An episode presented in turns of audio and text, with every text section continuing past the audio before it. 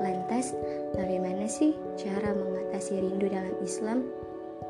Yang pertama, ikhlaskan kepada Allah Subhanahu wa taala.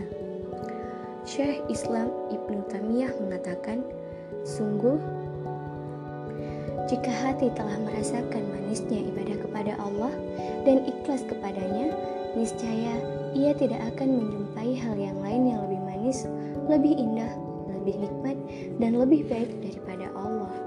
Manusia tidak akan meninggalkan sesuatu yang dicintainya, melainkan setelah memperoleh kekasih lain yang lebih dicintainya.